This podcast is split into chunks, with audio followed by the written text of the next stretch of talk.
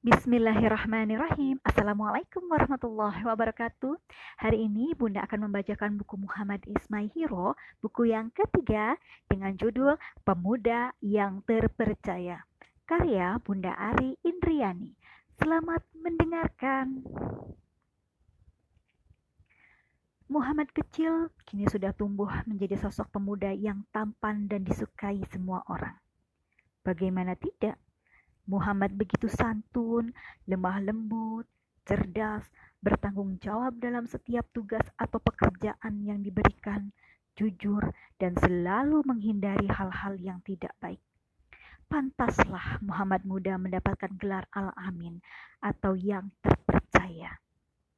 Bakat kepemimpinan Muhammad muda juga sudah mulai terlihat pada usia 15 tahun, dia sudah terlibat membantu para pamannya dalam perang Fijar. Pada usia 20 tahun, Muhammad Muda hadir di Hilful Fudul, yaitu persekutuan atau perjanjian kebajikan yang dilakukan setelah perang Fijar.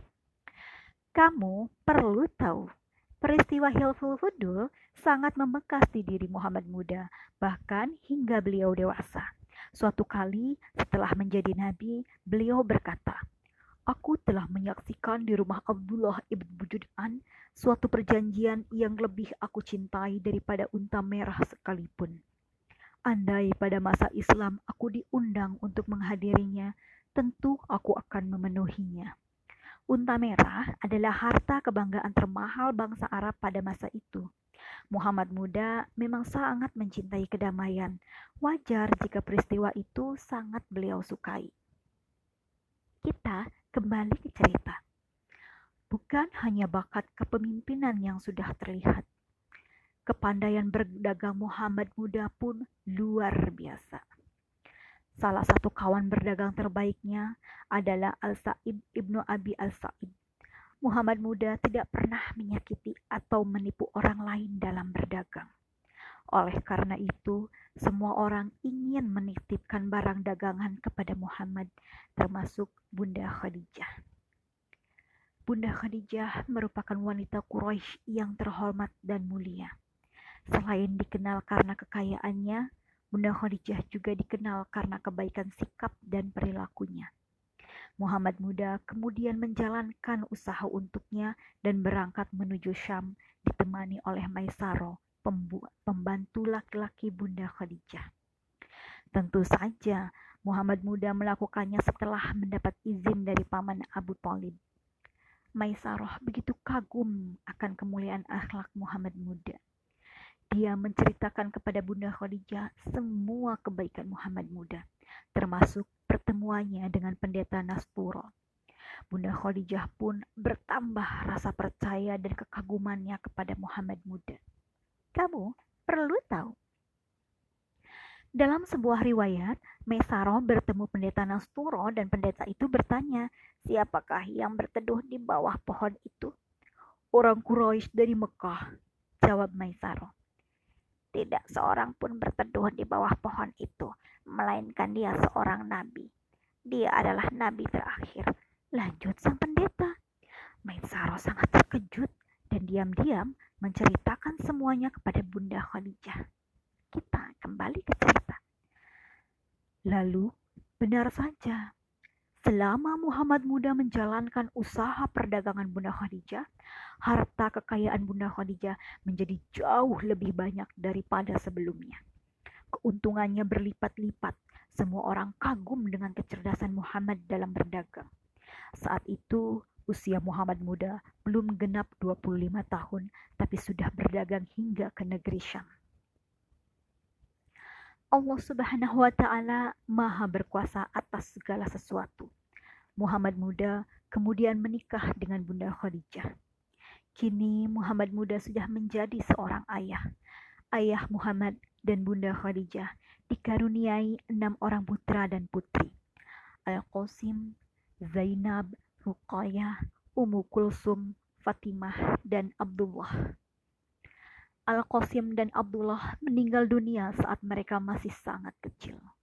Kamu perlu tahu, jauh setelah Bunda Khadijah wafat, ayah Muhammad memiliki satu orang putra lagi bernama Ibrahim.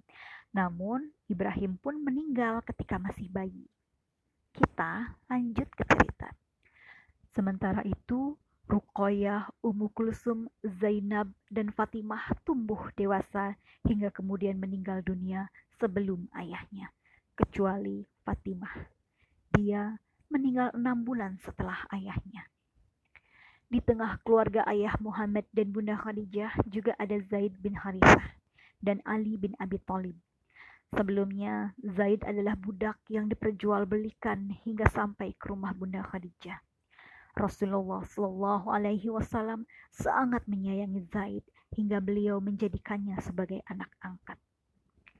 Zaid sangat senang dan bersyukur bisa tinggal dengan ayah Muhammad dan Bunda Khadijah.